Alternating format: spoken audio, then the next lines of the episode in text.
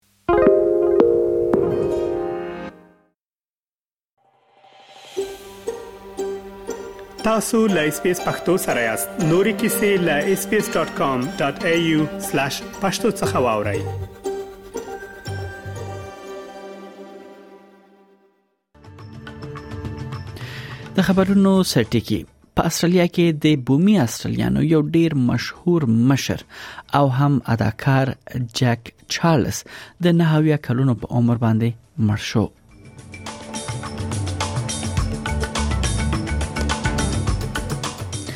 راتلونکي اونۍ د ملکه الیزابت جنازې مراسم تر سره کیږي د استرالیا حکومت په سازیتو باندې لس کسان په همدې محفل کې یا په دغه جنازې مراسمو کې ګډون کوي او 22مه نیټه د سپتمبر میاشت په ټول استرالیا کې عمومي رخصتي اعلان شوې ده او دا د ملکه الیزابت د مړینې په درناوي دا ورځ نومول شوې ده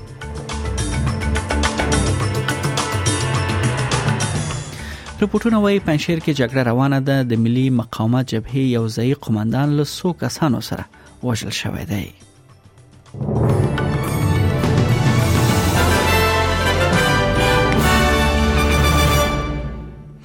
او د همبش پر خبرونه د بومي استرالیانو یو مشهور مشر او اداکار جک چارلز د ناویا کلونو په عمر په ملبورن کې مړ شوی دی لکه څنګه چې هغه انکل جک باندې هم کله ناکله پیژندل کیږي د خپل کورنۍ سره د ملبورن په شاهي روغتون کې د زړه حمله وروسته د مړ شوی دی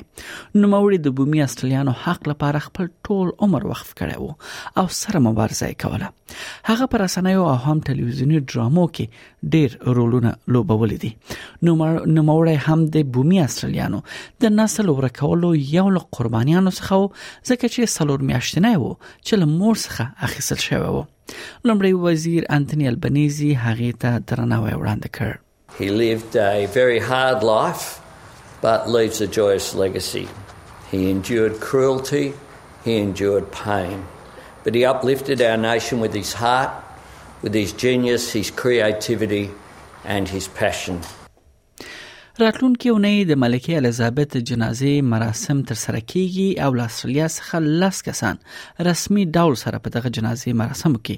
برخه اخلي یادو کسانو کې دولتي چارواکي د استرالیا لمړی وزیر او هم د استرالیا تر ټولو غوره کس جایزې ګټونکي ګډون کوي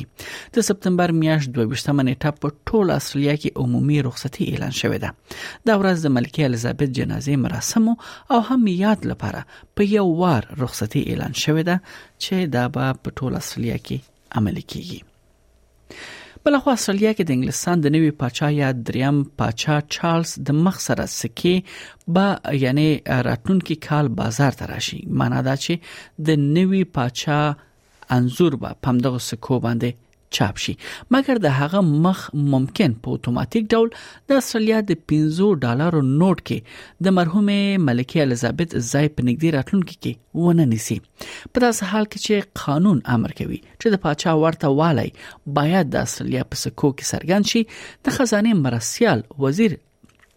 انډریو لیو وویل چې فدرالي حکومت لا هم پریکړه نه ده کړې چې څوک باید د هوا تر ټولو ټیټ ارزښت نوټ کې یعنی 15 ډالر نوټ باندې را سرګن شي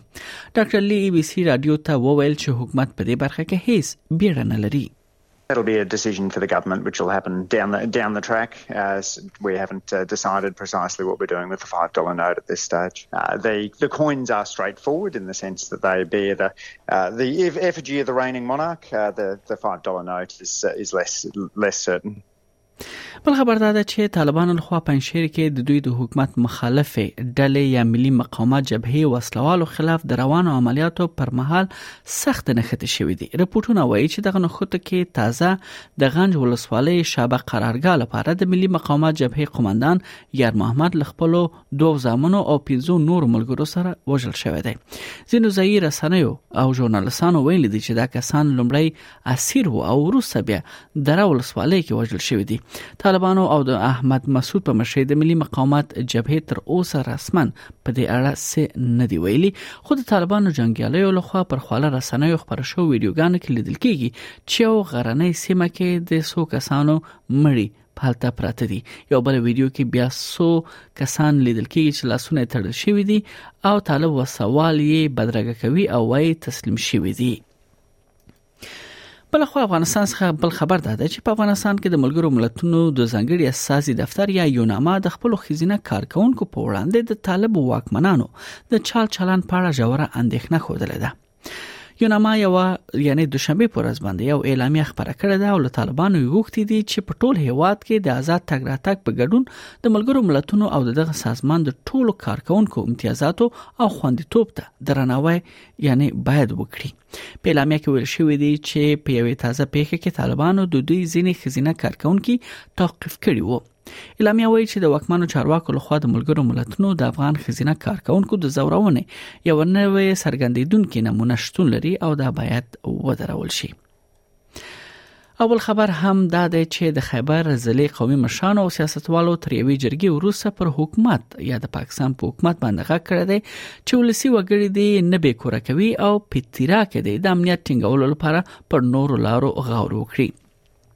د پیښور په اعتبار کې د جرګه د قومي مشرانو او د قانون چارو پو لطیف افریدي په مشرۍ تر سره شوه نوموړي له جرګې وروسته مشا رادیو سره په خبرو کې ویل چې امنیت ساتل د حکومت ځمواري ده او دا ځمواري دی خلکو ته د تکلیف ورکولو بغیر تر سره کړي بل خبر هم دا دی چې د روسیې ولسمشر ولادمیر پوتین وایي چې په اوکرين کې به د هیوا جګړه تر هغه وخت پورې روانه وي چې ټوله موخه نوي پوره شوي دا څرګندونه وروسته له هغه کېږي چې د اوکراین ولسمشر ادعا وکړه چې د دوی ځواکونو په تیر اونۍ کې شپږ زره مربع کیلومتر خاوره بیرته نیولې ده د ولسمشر پوتین ویان دمیتری پیسکوف وای ولسمشر ل خپل پوځي قومندانانو سره په دوامدار توګه په تماس کې دی خو هغه د پښتنې څخه ډډه وکړه چې آیا پوتین لا هم پر خپل جنرالانو باور لري او د هغو راپورونو په اړه هم تبصره ونه کړه چې د لویدیزې پوزي یعنی ولسوالۍ ته قومندان لدندې ګوښه شوی دی естественно Of course, Russia will achieve the goals set for the special military operation. The President is in round the clock communication with the Minister of Defence and with all the military commanders. Of course, it cannot be otherwise during the special military operation. د خارکیف په سیمه کې یو روسي چارواکي روسي ټلویزیون ته ویلي دي چې اوکرایني ځواکونو د تیرونې په ځوابي بریدونو کې د روسانو شمیر یو په اتو ډیر وو معنی دا چې روسانو شمیر ډیر زیات کم وو نو همدا یې وجه وه چې روسان د ته اړ شول چې هغوی له دغه سیمه څخه ووځي Of course, I cannot say anything about the numbers. I do not have exact data. But speaking about the manpower that has been amassed there for the Ukrainian army's counteroffensive, it outnumbered our forces approximately by eight times, not less. Therefore, I think Russian command decided to retreat and regroup in order to preserve our personnel.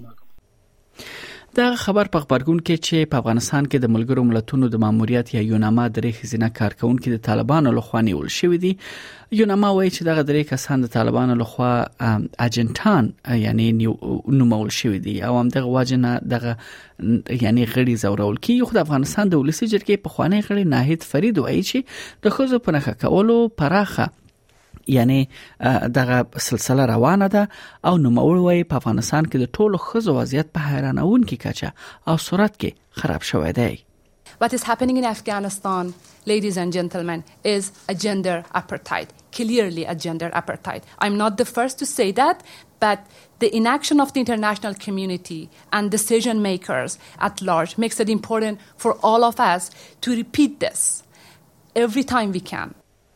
وروسته خبر داده چې په استرالیا کې د مصرف کوونکو یا مصرف کوونکو روسي سروې ښایي چې خلک د سود نرخ لوړېدو او هم د ژوند ټول لګښت لوړېدو په ځواب کې خپل پیسو مصرف لکړه دي مګر د کامنویل بانک لوړپوړی اقتصاد پو یا بلندا الن وایي چې سروې ښایي چې خلک لوړ لګښتونه لري او دوی هڅه کوي چې دوی څنګه خپل پیسې مناسب ډول سره مصرف کړي So while spending remains high on food, we are certainly hearing that some customers are swapping to value products in response to these higher food prices. And we also have seen in August some moderation in areas such as clothing, eating and drinking out and other recreation spend because of those higher interest rates. And we do expect this trend to continue.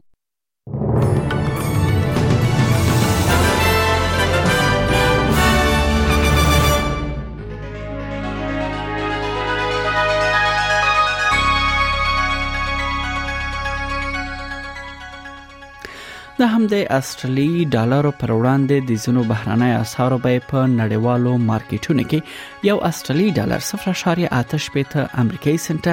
0.8 یورو سنت یو استرالی ډالر شپېته اشاریه نه پنځوس افغاني روپی یو سل نه پنځوس پاکستاني روپی سلور پنځوس اشاریه سلور سلويخ هندۍ روپی یو استرالی ډالر دوه اشاریه دوه پنځوس اماراتي درهم او صفر اشاریه اته پنځوس انګلیسي پنسه ارزښت لري دا هم د استرالیا د زونو خارونو نن لپاره د تودوخه تر ټولو لوړه درجه هغه هم د سانتیګریډ په کچه سډنی کې هوا باراني ده 14 په ملبورن کې هوا باراني ده 14 په برزبن کې هوا لمریزه ده 25 په پرت کې هوا باراني ده اتلس په اډلېډ کې اسمان برګ دی شل په هوبرټ کې اسمان برګ دی دولس په کمبيرا کې اسمان برګ دی دیالس او په اخر کې ډاروین هلته هوا مریضه ده او د تودوخه تر ټولو لوړه درجه 3 سانتیګریډ اټکل شوې ده